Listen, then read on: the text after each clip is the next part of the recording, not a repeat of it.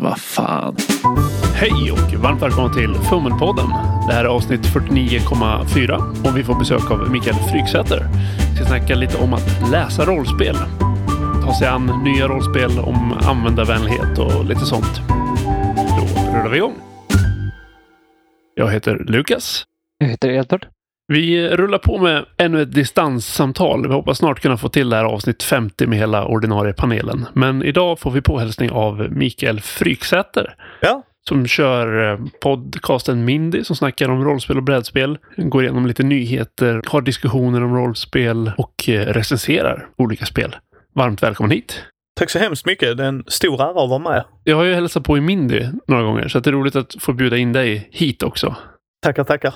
Du kör ju lite rollspelsrecensioner på er YouTube-kanal. Och du verkar ju faktiskt prova på en hel del olika rollspel också. Precis. Vi gör ju Mindys första intryck där jag går igenom vad man får när man köper produkten.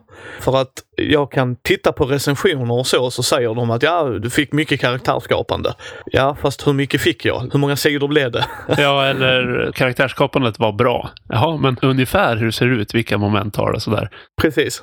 Det blir som en guidad genombläddring av materialet utan att man behöver gå och köpa det i butik eller ta sig till en spelaffär som råkar ha rollspelet i handen. Ja, och man garderar sig lite mot besvikelse. Eller bli pepp, om vi ska vara lite positiva. Ja, jo. Precis. Och där går jag också och försöker liksom säga lite vad regelmekaniken är också så att jag inte bara bläddrar utan jag går igenom liksom de olika momenten. Men ja, Och som sagt, du verkar testa en del spel också om man tittar på er Facebook-sida och lyssnar på era diskussioner och nyhetsgrejer. Så verkar du ha ganska bred erfarenhet av rollspel. Men jag tänker, rollspel kommer ju i regel i bokform eller eventuellt i pdf om man är lite nymodig. Men då behöver man ju läsa igenom och förstå spelet ganska ordentligt ändå innan man kan spela det. Så jag tänkte att det kunde vara intressant att snacka lite med dig om hur vi läser rollspel helt enkelt. Mycket om du ska börja spela ett nytt spel med din grupp och du är ansvarig för att se till att det blir av. Hur brukar den processen se ut för dig? Förr så läste jag de bitarna jag ansåg var nödvändigast. Hur grundmekaniken fungerade och hur man gör karaktär. För att jag oftast får jag sitta och hålla dem i handen när de gör karaktär på ett positivt sätt. Att vi sitter i grupp och gör det ju. Nu läser jag det från cover to cover. Rakt igenom. För att jag ska göra en första intryck på det. Så jag hoppar inte då utan jag läser verkligen från början till slut. För jag vill se helhetsbilden. Du är jäkligt ambitiöst som att läsa från perm till perm. Du är ju en spelskapares dröm på Ja. något sätt. Standarden är ju, man bläddrar lite grann. Ah, ja, det står säkert. Fan, det är dåligt att det här inte står. Jo, men det stod ju på den sidan. Ah, men eh, skitsamma, jag orkar inte läsa den sidan. Jag kan också vara lite så här ordningsam och strukturerad ibland när jag ska läsa på rollspel. Att man läser nästan från perm till perm. Åtminstone regeldelen, settingen kanske jag ögnar igenom lite snabbare. Jag går nog nästan i andra riktningen. Att jag var duktig och läste cover to cover en gång i tiden innan det började dyka upp så mycket Barn. Ja, framförallt liksom summeringsvideo och sånt där. Det finns samtal med skaparna och så man liksom får ett intryck vad deras ambition med spelet var. Sen när man känner att man har fått ett intryck av det, då börjar man småsålla i böckerna. Blivit latare. Och jag tror inte det är en dålig grej för att jag märker att vissa av mina spelare kan bli frustrerade varför de inte förstår varför mekaniken är som det är. Men har man då läst hela boken så får man oftast, ah, skaparen har tänkt så här i de olika stegen för att det är deras bild av systemet. Och det kan man ju eventuellt få då om man lyssnar på någon bra skaparintervju eller något sånt där. Eftersom man får det direkt från skaparen helt enkelt. Precis, precis. Sen om den personen har lyckats författa det på ett bra sätt, det kan ju vara en annan fråga. Men, men huvudsaken är väl att informationen går fram. På senare tid har jag nog, som du var inne på, jag har försökt titta om det finns något material kring det. Och jag lyssnar egentligen inte mycket på actual play. Jag har inte riktigt fattat grejen och tycker att det är roligt att spela själv. Men ibland att använda actual play som ett sätt att lära sig ett nytt spel eller se hur det kan spela sig i praktiken. Det kan ju också vara eh, ett effektivare sätt att lära sig spel tycker jag. För när man läser spel så blir det väldigt mycket teoretiskt. Korvstoppning av information. Men när man lyssnar på en actual play så blir det väldigt mycket praktisk tillämpning av spelet och se det i kontexten som det ändå ska vara. Typ. Ja, framförallt när det är skaparna har gjort en actual play, för då följer de reglerna. Det finns ju många som är underhållningsvärde som läggs i fokus. Ja, då kanske det inte blir helt representativt. Det är sant. Internet är ju en fantastisk grej. Jag menar, vad fasiken när vi började läsa rollspel innan internet så, ja, lycka till. det är sant. En annan variant som är väldigt lyxig om man har den möjligheten, om man hittar någon annan som kan spelet i sin närhet och kan tänka sig att spelledare och förklara det. Jag testade på OSR för ett par år sedan och då hade jag tur att ha de här i Stockholm Kartell som är liksom Sveriges OSR-nördar. Att spelleda två olika OSR-spel. Och det blir ju en ganska representativ upplevelse från det hållet i alla fall jämfört med om jag skulle sätta mig och läsa på en OSR-bok och eh, försöka lista ut hur det ska göras och så faller jag tillbaka i gamla vanor och gör saker på ett annat sätt kanske. Så det är ju också en sån där superlyxvariant om möjligheten finns. Och det är också väldigt intressant tycker jag, för när man läser mycket rollspel så inser man att hjulet är uppfunnet tillräckligt emellanåt. Och det är inget fel med det alls. Jag har inga problem med att läsa ett rollspel, påminner mycket om annat. Men när man då sitter och läser mycket rollspel som jag gör så inser man ju rätt snabbt att fasiken vad vissa gör det mycket smidigare än andra. Ja, men så är det Och framförallt gör spel olika saker. Många sådana här mer emulerande spel, de kan man ju nästan försöka lära sig tillsammans genom att spela. Ja, för att det är så lite regler, de ska göra så få grejer och man är bekant med vilken typ av berättelser som det ska göra. Så det är ganska mycket utrymme för friform. Då kan man på något sätt testa sig fram. Men att sätta sig med Dungeons and Dragons eller E.ON eller något sånt där och bara nu ska vi spela det här. Och så slår man ner boken och så ja, vi får se vad som händer då blir det som det blev för många när man kanske skulle lära sig spela Drakar och Demoner när man var åtta år. Och man orkar inte läsa reglerna, så man gissade ungefär hur reglerna skulle vara. Ja. ja. Jag tänkte nästa lång semester sätta mig och läsa Burning Wheel. då kan du skicka mig de kortnotiserna då. Det hade vi ju fan som uh, nyårslöfte ja. att spela Burning Wheel Precis, jag har ju boken liggandes men sen vart min semester uppskjuten. Ja, ja det har halvåret gått så det gäller fan att slutspurta. Ja, precis. Men apropå Burning Wheel, man kan ju se lite olika på hur lätt det är att ta till sig ett spel också.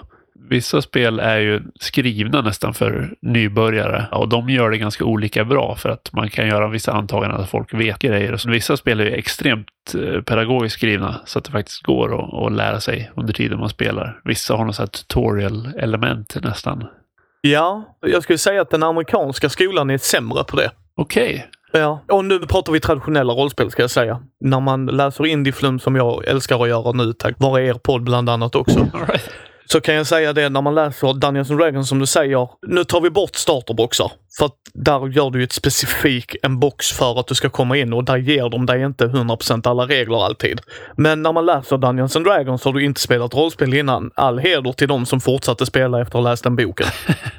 jo, men det är ju lite tungt att få de här Players Handbook och Dungeon Master Guide och allting. Och så bara, nu ska vi lära oss hur det här fungerar. Jag har hört att femman är ganska nybörjarvänlig i jämförelse med många andra. Oh ja, det ska ju gudarna veta. Om du bläddrar i en 3.5 så kan du bara gråta ju. ja, precis. Men det är ju just att de här traditionella rollspelen ska göra så väldigt mycket. Man har en simulerande motor där spelarna är fria att göra i princip eh, vad som helst och att reglerna ska kunna hantera det på något sätt. Eh, kanske de mest hanterar strid, men tanken är på något sätt att det ska simulera oavsett vad rollpersonerna gör.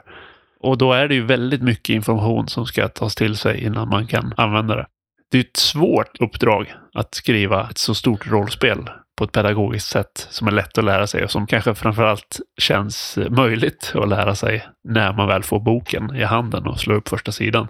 Det är det jag tycker är intressant. Jag vet inte om ni har upplevt det, men när jag läser en rollspelsbok jag gillar ju exempel i boken. Wilhelm Persson som är ju från Nord Nordost. Hans böcker gillar jag för att där skriver han exempel som att vi har ett rollspelsmöte. Ja, just det. Hans fiktiva personer ställer frågor som han tänker sig nog att det här kommer de nog ställa en fråga om. Och så kontra då Star Wars Age of Rebellion som är en av de värsta regelböcker jag läst i mitt liv. Jag hörde det. du var så jättetaggad på det. Nej, alltså spelet är underbart. Gillar hur de gör med mekaniken med tärningarna och det som jag pratar om i podden. Men regelboken är vedervärdig.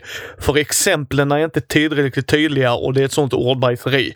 Och det är ju så jäkla svårt som sagt med rollspelstexter. Jag skrev ju mitt examensarbete i informationsdesign om, om rollspelstexter och gjorde en massa analyser och sådär. Och, och grejen är ju att i vanliga fall kan kanske du ska skriva en manual hur en skruvmejsel fungerar. Eller hur du bygger upp en bokhylla. Det är liksom det enda målet med manualen.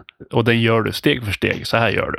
Och då kan du titta på den där manualen medan du gör det och se att ja, just det, det här ser likadant ut som på bilderna eller det blir likadant som texten. Men ett rollspel, det måste du överlag läsa i sin helhet och det är abstrakt och du måste förstå det i sin helhet innan du kan börja tillämpa det. För att sen när du väl ska börja tillämpa det så är det inte en steg för steg process. Nej. Utan helt plötsligt kommer en spelare och slänger in något helt annat. Och då är man så här, just det, hur fan gör man det här? Och så behöver man bläddra i boken. Och dessutom då kanske en referensmanual kan man snabbt slå upp vid behov. Så att ett rollspel ska ju inte bara kunna läsas perm från perm, som Micke gör exempelvis då. Utan du ska även snabbt kunna slå upp rätt sida med rätt information och hitta den när folk sitter och väntar på att du ska berätta vad som händer som spelledare eller? Ett välorganiserat appendix är ett himmelrike. Ja, jag håller med Edvard. Det finns inget värre när jag letar efter en regel och inte hittar den snabbt. Det är ju än värre när du har saker som Dungeons and Dragons där det finns x antal böcker du ska leta regler i. ja, precis. Ja, det håller jag med. Det är där jag tycker det är jätteroligt när jag läste Thespian. All right, vad roligt. Nej, men det var tydliga exempel. I slutet kom exemplet, vilket jag gillar, och det är en liten regelbok. Men vi kom in i det rätt snabbt, för premissen var där. Till vårt icke-försvar, eller vad man ska säga, så vad är Thespian? Det är typ 30 sidor eller någonting. Det är ju inte ett så saftigt spel som Dungeons and Dragons. Erbjuder en väldigt specifik upplevelse liksom. You be amazed vad folk kan klanta till det på 30 sidor kan jag säga. Det är också det jag tycker är intressant. Jag vet inte om ni har tänkt på det, men tack vare er podd, ni är ju en av anledningarna varför jag gör min podd. Det är fantastiskt fint. Ja, kul att höra. Jag tycker ni diskuterar på ett bra sätt, att ni är vänner som gör det, men ni har också provat nya grejer och då fick jag upp ögonen för att prova nya grejer. Lite med Wilhelm Perssons hjälp också. Men när man läser vissa regelböcker så berättar de ju bara så här kan ett rollspel fungera. Fast det här är ju ett traditionellt rollspel, vilket är inget som helst fel. Men det ger ju inte alltid en riktig bild av vad rollspel kan vara och det är fine för vad produkten vill göra. Men då vill jag att du säljer mig in. Om jag ska spela Dungeons and Dragons att det ska vara high fantasy, så är det det jag vill veta när jag läser boken eller jag ska berätta för mina spelare. Och vissa kan misslyckas på det på 30 sidor. Ni gjorde inte det. det här är ett indie-rollspel som jag kallar det. Premissen är det här. Det här är vad Thespian handlar om. Medan jag kan läsa andra böcker där jag, jag har ingen aning om vad det här handlar om. Vad är det vi ska göra? Ja, men det är en magisk värld. Mm. Okej, men vad ska vi göra i den här magiska världen? Ja, precis. Jo, men det där är ju överlag i de här emulerande spelen mycket bättre på, medan de traditionella simulerande rollspelen, det är underförstått att ni kan göra precis vad som helst och därför behöver man inte ens prata om vad det är tänkt att ni ska göra. Medan de här emulerande spelen är mer, det här spelet handlar bara om den här saken. Det är den enda upplevelsen ni kommer få. Ja, det är jätteroligt att höra. Det är fint. Jag har ju satt mig i en lite knepig sits. Som sagt, jag skrev ju det här examensarbetet om rollspelstexter och skrev om det till eh, en bok som heter Rekommendationer för rollspelsregler. När man väl har gjort det så har man lite extra krav på sig att inte skriva otydliga rollspel. på något sätt. Kanske förväntningarna på sig man själv i inte alls som man lär. Ja, precis. Så det är roligt att höra att du inte har upplevelsen att jag har misslyckats där i alla fall. Jag pluggade ju också informationsdesign på högskolan och vår professor där hade liksom en bok om hur man gör text så tydligt som möjligt och eh, man inser att boken inte skrivit följande stäm. precis. Physician heal thyself. Men du hade ju även någonting som då inte med i den där boken vad jag minns eh, för eh, innan du skapade ett spel med frågeställningarna som var rätt bra Lukas. Nu har jag dem inte i huvudet men Ja, det är ju inte mina. De har ju snott huvudsakligen från en podd som heter Design Games och eh, säkert lite avsnitt av eh, RPG Design Panelcast. Men det kretsar mer kring vad är det för spel, vad gör man i spelet, eh, vad gör rollpersonerna, vad gör spelarna, vilken typ av beteende uppmanar spelet till. Men de är ju ganska bra att förmedla till läsarna också. Ja, jag tror det. Som både du och Micke säger, det är ju en ganska relevant del att veta hur ska jag tolka den här texten? Vad är slutmålet? Vad är det egentligen för spel som jag läser nu? Det är ju relevant som sagt för att kunna tillskansa sig kunskapen om hur man ska använda det i praktiken. Det är en bra poäng. Och det är ju det jag tycker är väldigt intressant för bästa sättet att lära sig håller jag med dig om som du sa innan, att om man har en i sin umgängeskrets. Oftast är det jag kan jag säga. Så det är få gånger jag blir lärd ett spel. Och jag har inga problem med det för att jag lär mig dels genom att försöka förklara och vi kollar upp och det kommer bli felsteg och det är vi tydliga med liksom från början. Det är jättesvårt att hålla reda på alla regler i huvudet innan du har fått se dem i praktiken. Där skulle jag vilja ha mer stöd i regelböckerna. Jag har läst vissa böcker som har en quick shit. Här är de viktigaste grejerna i momenten. Det har jag uppskattat för det är lättare för mig att bläddra upp direkt och bara ha en liten bokmärke. Ja, just det. Därför gillar jag spelledarskärmar också. Av den anledningen att när det är en bra spelledarskärm ska jag säga, så har jag liksom den. Och får man titta på Dungeons and Dragons femte editionens spelledarskärm, första de gjorde, var helt vedervärdig. Den som gjorde den skulle, ja, jag hade ju tagit in han på mitt kontor och frågat vad fasiken håller du på med? Men Okej. och då var det så här, vill du ha 100 NPC-namn? Nej, jag vill veta vad jag kan göra i strid. Skit i det, Lukas. Här har du 100 NPC-namn. Jo, det gillar väl jag också att jag får, men det är ju inte det jag vill ha min spelledarskärm till. Ja, det värsta med en spelad skärm är väl att hade den fått massa regler så hade någon suttit där och vad fan, jag vill ju ha 100 NPC-namn. Jävla värdelös skärm. Får göra modulbaserad spelade skärm. Ja, jag, jag tror nästan det är enda sättet. Men, men jag tycker att det är en bra poäng ändå. Att läsa hela boken som sagt är mäckigt nog. Men att sen komma ihåg allting man har läst i hela boken. Har man någon form av referens man kan titta upp. Jag vet att jag själv har gjort så här egna cheat sheets för spel som jag tyckte har varit lite krångliga när vi ska spela dem första gången. Så att jag har någonting att snegla på. Och framförallt då om man skapar sina egna cheat sheets så har man ju skrivit ner det. Det är det här klassiska med att om man har antecknat något och skrivit ner någonting själv så har det Vem kommer ihåg det lättare? Men ni som har gjort spel, Lukas är i fokus här nu. Jag är assistent. om vi tar Lukas då, för du var lite i spotlighten då. Hur upplever du det när du läser en bok som har gjort regelböcker? För jag, jag har ju bara läst regelböcker och kan säga vad jag gillar och inte gillar. Man kan ju läsa grejer på olika sätt. Antingen så kan man ju ta på sig liksom verkligen analyseringsglasögonen och tänkt varför har de formulerat så här? Vad är det här för typ av text och vad säger texten om spelet? Eller så kan man läsa det mer som en konsument och bara försöka tolka reglerna. Jag tar nog på mig lite olika glasögon och hattar beroende vad syftet är att läsa ett spel. Men som sagt, eh, vissa spel kan man ju bli nästan fascinerad av hur dåliga de är på att förklara relativt enkla grejer. Ja, det är en konstform alltså.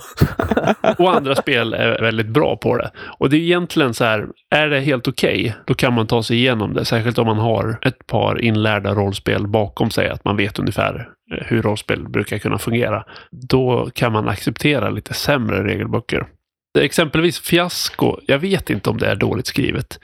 Men när jag läste det så hade jag nog inte spelat något mer sån här emulerande spel, utan jag hade hållit mig till de traditionella simulerande rollspelen.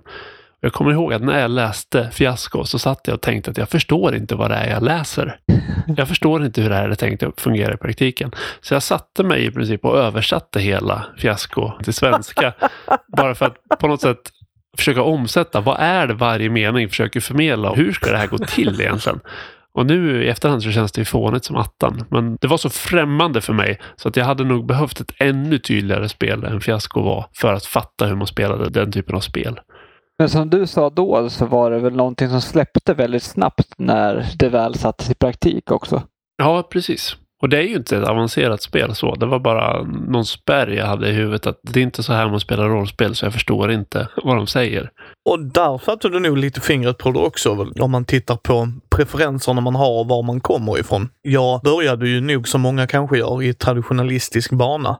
Nu när jag har läst mer indie och förstår lite premissen med det så kommer jag ju in i det lite snabbare, men jag visste ju vad det var jag plockade upp. Ja, precis.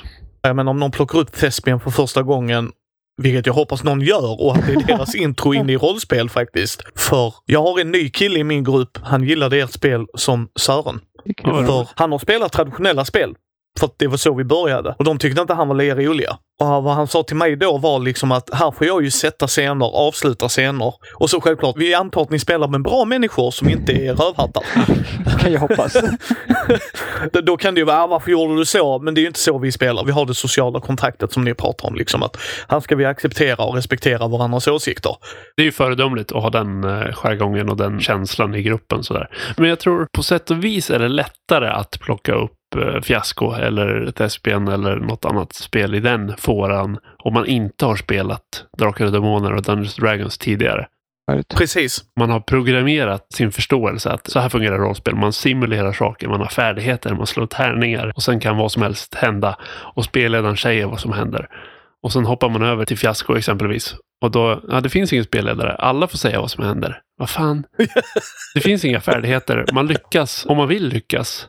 Sen kan alla bestämma att man misslyckas och då får man hitta på varför man misslyckas. Men vad har jag i styrka? Så att jag tror på sätt och vis det är lättare att gå in i det blank. Då har man inte det här bagaget, typ. När ni läser rollspel, Vill ni att de ska uppfinna hjulet varje gång? Varje system ska komma med ett nytt regelsystem bara för att. Ja, men det är väl så länge man har en motivering med varför man gör det så är ju det kul. Då finns det ju en anledning att köpa det här spelet. Nej, vi är på sätt och vis fel personer att fråga, för vi har använt den här vindskälmotorn till tre av fyra grejer vi har spelat de senaste åren, oavsett setting och sådär. Nej, jag tror ni är rätt personer att fråga då ju. För som jag har sagt, eh, det var någon som inte gillade år 0-motorn och det behöver man inte göra. Jag gillar ju år 0-motorn. Jag läser ett rollspel i veckan och eh, om jag måste läsa ett nytt regelsystem hela tiden bara för att det behöver vara det. Det är okej okay om det bara du vet, klickar direkt och det fungerar, absolut. Men jag känner inget behov av att de måste typ uppfinna hjulet varje gång. Nej, precis. Det finns en tillgänglighet i om det inte finns 51 miljarder och varje spel har sin egen motor. För då kan man våga testa på andra grejer utan att tänka att nej, just det, då måste jag plugga i ett par veckor. Ja, vi blir känt lite grann att vi tröttnar på settings snabbare än vi tröttnar på regelmekaniken ibland. Så därför kan det vara skönt att ta med sig ett regelverk man är bekant med in i en ny setting. Ja, precis. Men det blir ju ganska samma spelupplevelse med lite olika kulisser. Och sen beror det på hur man gör rollpersonerna och hur man sätter tonen i den kampanjen. Men det blir ju väldigt likt. Om vi sätter oss och spelar vindskäl i tre settings så är det mycket mer likt än om vi sätter oss och spelar vindskäl i en setting och sen spelar Thespian i samma setting. Ja, absolut. Det blir helt olika typer av berättelser och helt olika spelupplevelser. Så att jag gillar att använda de här emulerande spelen som någon slags palette cleanser. Jag har spelat mycket med ett tradit system så kan det vara skönt att äh, nu gör vi något helt annat och så testar man på det. Och på konvent och så där så är det lättare att ta till sig de här kortare regelböckerna och kortare fokuserade one-shot spelupplevelserna än att sätta sig in i ett helt nytt tradit system för att spela i tre timmar. Så jag tycker att var sak har sin plats. Bläckfisk förlag körde ju Ashcon förra året, speltestning. Ja, precis. Vi bjöd in massa spelskapare som fick speltesta sina spel med andra spelskapare. Just att läsa en bok och sådär, vad författaren tycker är självklart. När man har då skapande spel sitter och beskriver saker för en, då blir det ju ännu tydligare vad författaren vill understryka. Visst, men det var ju som eh, förra avsnittet av vår podd så eh, Mattias nämnde ju där att hur många rollspel är det egentligen som ens nämner spelmöte? Att det är en grej det är någonting som vi måste lära oss av tradition. Men det är ingen som säger att ni bokar en tid för att sätta er i kanske minst tre timmar för att annars blir det för kort. Och så ska ni sätta er där och sen sätter ni igång och så utforskar ni den här berättelsen eller spelvärlden eller vad det är. Och sen när tiden är slut eller någon måste gå eller ni är trötta eller något sånt där. Då bryter ni, pausar där och sen kommer ni tillbaks en vecka senare och då tar ni upp där ni slutade senast det är inget som är självklart att det är så man spelar rollspel. Men för de flesta av oss så är det inlärt att det är så man gör. Precis. Vissa rollspelsböcker gör det dock. Kanske inte specifikt tre timmar, men liksom sätt undan tid och de grejerna liksom. Och varje gång som du säger, alltså jag blir lite förvånad att de tar upp det. Inte att, jaha, varför ska de traggla med det? För, för vissa vill ju inte ha dem välkommen till rollspel, en ska spela spelledaren och du vet så här. Medan jag bara, eh, det är väl jättebra att det är där. Ja, men jag vet ju hur man spelar rollspel ju. Mm. Ja, men de säljer nog inte bara till dig. Nej, precis. Dels det och sen de här eh, vad är rollspeltexterna. De är ju oftast ganska dåliga på att beskriva vad rollspel är i allmänhet. Men det man kan läsa i dem är ju vad är det här rollspelet? Vilka saker gäller i det här spelet och vad skiljer det från andra rollspel kanske? Vilket kan vara väldigt nyttigt även för någon som har spelat i hundra år. Precis. Och en annan grej jag tycker är intressant. För mig är inte det bara reglerna när jag tänker på rollspel, ju även settingen och temat. Det Vill säga, är det high fantasy? Är vi äventyrare som ska gå ut och slåss för jada jada reasons liksom? Eller ska vi spela skräck? Men vi upplever skräck på olika sätt ju om jag minns rätt, Robert Jonssons Bortom första utgåvan, så gick han in på för mig det var tre olika sätt man kunde spela skräck på. Vilket var som sån, hmm, vad intressant. För det är inte många skräckrollspel som gör det, utan ja, det här är ju skräck, så då kör ni. Ja, det är ju skräck ju. ni vet väl alla vad skräck är va? Ja, precis. Hur känner ni inför det? Ja, ibland kan jag känna som speldesigner eller designredaktör att det kanske inte är upp till ett rollspel att förklara vad skräck är. Men det är upp till ett rollspel att förklara hur gör det här spelet skräck och vad krävs av er för att det ska bli skräck i det här spelet. Allt handlar bara om att ge de bästa verktygen för att spelet ska kunna spelas bra. Och ibland är det en typisk sån där grej att det här är tre typer av skräck. Här är lite guidelines för er som spelledare hur du får till den skräcken och ni kan välja lite alternativ. Det kan vara toppenverktyg. Men ibland så, jag kan på sätt och vis klandra mig själv lite grann. I Gudasaga exempelvis, att vi hade så extremt mycket settinginformation om fornnordisk mytologi. En del som har sagt att, eh, ja fan vad bra, jag kan ingenting om fornnordisk mytologi. Det är perfekt att bara slå upp en sida. Och vi har haft en del som har sagt att jag kan ganska mycket fornnordisk mytologi och om jag behöver veta någonting så kan jag bara googla det. Så behöver den här boken verkligen vara 150 sidor. Så att det finns ju någon form av avvägning där. Hur mycket tar spelet på sig att hjälpa till? Till ert försvar där är ju dock att ni faktiskt hade en gratisutgåva där ni fokuserade på reglerna också parallellt med boken ni släppte. Så... Ja, jo, det är väl sant. Men uh, jag tänker vi kan använda det som en utgångspunkt eftersom vi bara hackar på mina egna grejer då. Nej, jag skulle säga att du gjorde ju en bättre grej där än...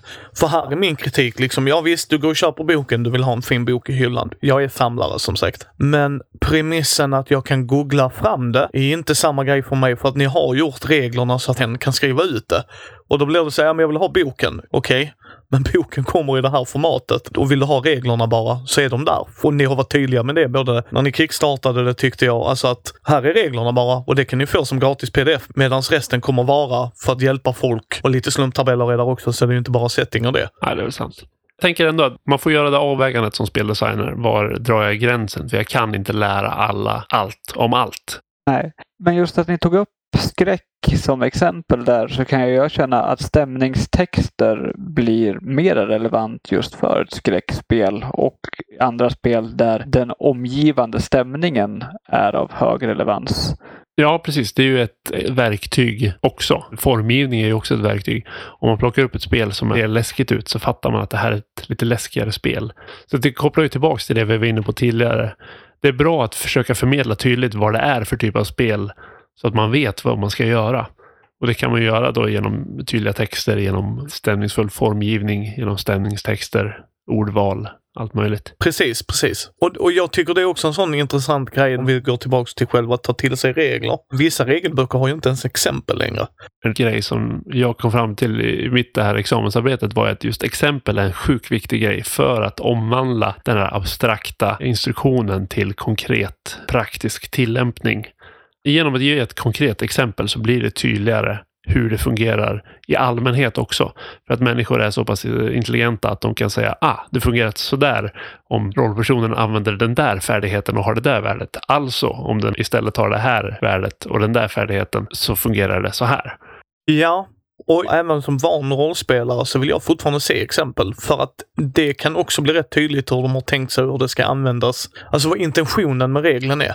Mm. Ja, och att det ger lite intryck hur spelledare och spelare interagerar med varandra och sånt där som kanske inte tas med i reglerna per automatik. Men däremot exemplen återspeglar ju den dialogen då. Det är sant. Jag håller helt med. Så ja, jag gillar det. Samtidigt, jag plockade upp Mörkborg och skulle börja läsa det. Och det har ju du eh, recenserat där också ja. mycket. Det är ju det mest nybörjarfientliga rollspelet jag har läst tror jag. det finns liksom ingen, det här är rollspel, det finns inga exempel, det finns ingenting som guidar någonting. Och när jag läste det så tyckte jag, fan vad skönt att bara få informationen som jag är ute efter. Bara läsa en mening istället för att det är tre sidor jag ska ta mig igenom. Men om jag vänder på det, för jag håller med. Jag tyckte också det var en väldigt intressant läsning. Jag läste den på en dag. Men hade du tyckt det var lika intressant om formgivningen hade varit annorlunda? Där mer eller mindre hade fått ett Excel-dokument-ish? Det hade inte blivit lika intressant, men jag tycker ändå att den är välförfattad i det avseendet, att den spar på orden och sådär. Sen när vi testade på Mörkborg så var det vissa situationer som uppstod som var lite otydliga och hade man haft kanske mer exempel och lite tydligare förklaringar av regeln så hade det kanske inte blivit så. Men jag tyckte att det var uppfriskande att inte behöva vada igenom långa stycken av text för att hitta den här informationen jag var ute efter. Och sen formen är ju fantastisk så att den höjer upp allting ännu mer då. Ja, det är helt olika designtankar. Mörkborg är nog inte tänkt att vara någons första rollspel. Utan det är tänkt att vara ett alternativ till något annat när folk har spelat rollspel ett tag. Gör det bra. Så det handlar ju mycket om att målgruppsanpassa innehållet. Ha med den informationen som målgruppen behöver, skippa den som den inte behöver. Ja, Nej, och jag håller med där för att de har ju inte försökt vinkla det till en nybörjare utan de gör sin grej och jag tycker de gjorde det fantastiskt bra. Ja, precis. Jag tycker både Pelles regeldesign och text är effektiv och Johans formgivning är väldigt effektiv.